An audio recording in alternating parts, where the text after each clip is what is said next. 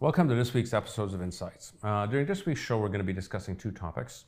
The first one is the ongoing negotiations with the, with the, between the Armenian government and the Erdogan regime about the possibility of establishing relations between the two countries. And the second one is going to be the, uh, uh, the impact uh, of the uh, Ukraine Russia conflict, especially if it gets worse, on Armenia, specifically on the economy of Armenia, and uh, obviously its politics. let's start off with the first one, which is the negotiations with Turkey about establishing normalized relations. As I have said before, I'm quite skeptical of this thing. I think this will likely, it's a long road that leads to nowhere.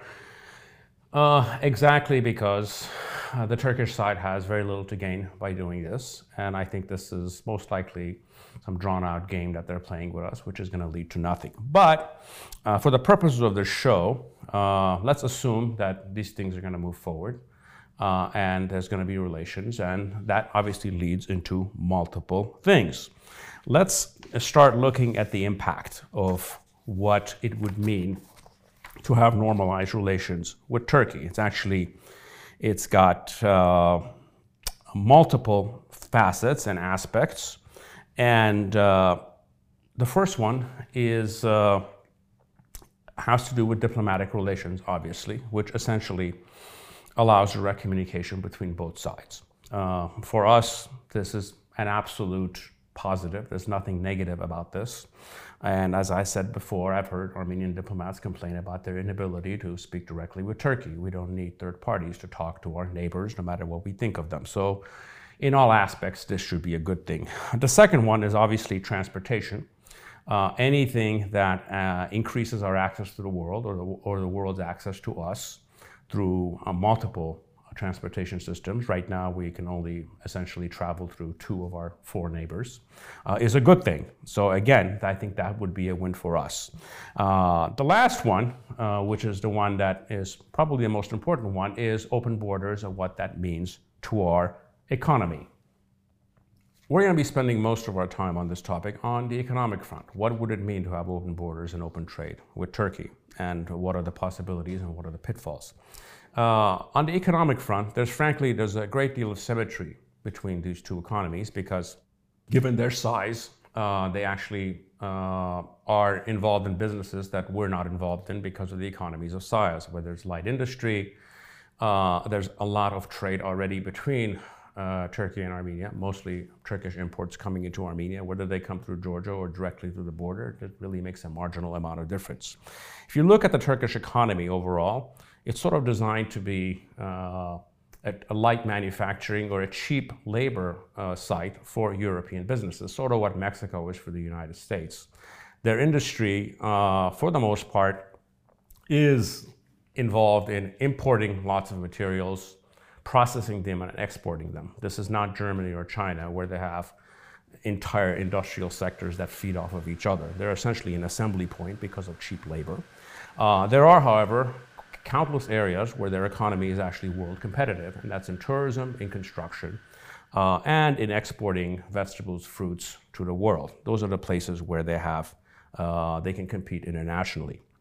The most important thing for us, if we're gonna, ever going to have open borders, is to protect two categories of people, which are going to be our farmers, small producers, which because of the economies of scale are going to have a hard time competing with the massive scale that the Turkish industries operate in, especially in agro-business, and our textile producers, because it is the one place that we actually have similar industries. Textile industry in Armenia is constantly growing.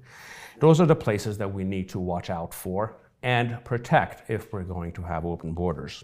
Last one, and not thought much about, is actually regulation of labor and immigration. Uh, the fact is that uh, because of the continued devaluation of the lira uh, and how poor the uh, provinces in historic Armenia or in current day Turkey are compared to Armenia itself, uh, it's going to be much easier to earn higher salaries, especially in fields like construction, in Armenia than it is in Turkey. So we have to be very cognitive of how to limit, control, or regulate any labor that comes over or not to allow it at all. And this is something that's going to accentuate over the next year or two as the economic uh, and the lira depre depreciation continues and uh, the lira is actually becoming on its way to becoming really a fourth world currency, which is going to accentuate these imbalances.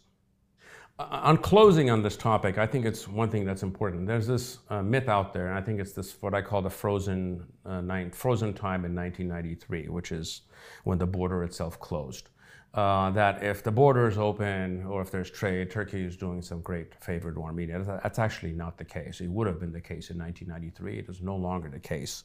Uh, these countries and their economies are not where they were 30 years ago. Uh, opening borders will actually be beneficial to both sides. Trade will be beneficial to both sides.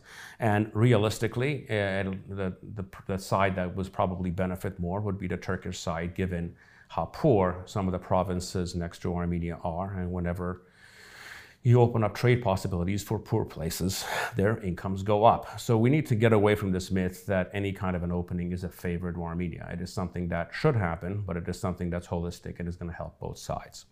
Now let's move on to the second and uh, frankly the more important issue, which is what's going on in the Ukraine uh, the Ukraine-Russia border. Uh, I'm not going to get into the specifics of the details because everyone who's been following the news knows uh, what's been happening there, and all the negotiations back and forth, threats, fear of war. We all know about that. But what we need to look at is uh, what impact would this conflict have on us, both economically and politically? And uh, it's actually multiples, and the economic ones are frankly far more relevant to us uh, in the short run, any uh, uh, Russian incursions into Ukraine or any kind of a war uh, will uh, start, will trigger a set of sanctions from the West. And even if it doesn't trigger sanctions, it's going to just an unstable political situation or a military situation is going to depreciate the ruble uh, and make it worth less, ruble being the Russian currency. Now, Russia itself is one of our primary export markets. Uh, I think 25% of Armenia's exports go there. And when your export markets get poorer, they buy less from you. So that's obviously going to have a clear impact on us. Secondly, we get a lot of remittances from Russia, from laborers that go work there. And if the ruble is worth less, they'll be sending back less money, or the money that they send back has less value and less buying power. So that obviously is something that's going to impact us severely. Uh, lastly, and the most importantly, and uh, is the threat by the West to kick Russia off what they call the SWIFT system. SWIFT is the uh, the banking setup that regulates uh, all banking transactions. Now, for economic purposes, throwing any country off of SWIFT is nearly the declaration of war. The only country that this has happened to was Iran, and it completely capsized their economy many years ago. Uh, however, this uh, provides other opportunities, and it's not simply negatives, because if you are a Russian business and uh, you can no longer carry out transactions from Russia, uh, you're going to have to move to another country uh, that is politically friendly to you, uh, and establish there. And that's not just a qualifier. You need a country that is, uh, has a functioning central bank, a stable currency, uh, and a country that has good relations with the West. And there's frankly only one country that fits that qualifier, and that's Armenia. So if the Russian uh, businesses or economy is kicked off of the SWIFT system, which I think would be a severe sanction, uh, almost all of them are going to have to go establish themselves as businesses someplace else, even if it's just a legal entity, and do all their financial transactions, which is obviously going to create opportunities for our banking sector. Uh, however, our banking sector is very well run, very conservative, with a very good central bank, but it is of, of small scale. This is not we're talking about a very uh, undercapitalized banking system as well run as conservative as it is. So this is going to come with its opportunities, but it's also going to come with its challenges. Uh, as far as the labor migration part of this goes, uh, any um, depreciation of the ruble uh, is going to make it less and less uh, worthwhile for people from Armenia to go to work in Russia because even today, uh, wages on many fronts, especially construction, are near Russian levels uh, or slightly below. Any kind of a severe depreciation the ruble is going to incentivize many of these people to come back, which actually will help us with our consistent labor shortage in the different sectors of the economy that we have. In concluding the economic uh, parts of this impact of a conflict is um, we need to see this as, as an opportunity for Armenia to sort of become what Hong Kong was for communist China when communist China was actually a communist country, uh, which was its entree to the world. And uh, it was something that worked for all sides. The West could trade with China via a third party, uh, and everything went on. So I think, as with any set of circumstances, you need to look at the opportunities that are there and seize them, and this could be one of those opportunities.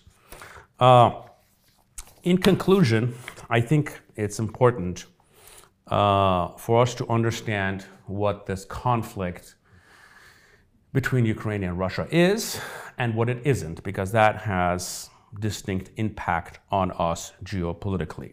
Uh, what this is not about is about the possibility of Ukraine joining NATO.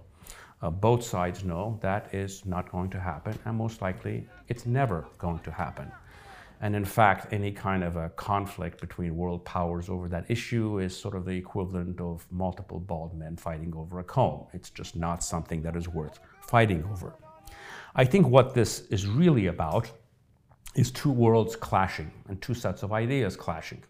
This is on the Western side, uh, or the on American side, is this notion of a unilateral world that was run by the United States and his West and her Western partners uh, that came about in the post uh, Cold War period after the collapse of the Soviet Union that is running headlong into uh, the reality of today, which is that the world is a multipolar place. And that with the Western retreat in multiple places, the West no longer can impose its will in the peripheries of its areas of influence. On its core areas of influence, it can dominate, but when it comes to areas like the Middle East, the Caucasus, or Eastern Europe, those limits, there are limits to what it can do. Now, how this really impacts us directly is, uh, is the understanding, and what has become clear is that the West no longer has the, the wherewithal or the political will to impose its will on our part of the world or other peripheral parts of the world which are not part of the core of Western interests.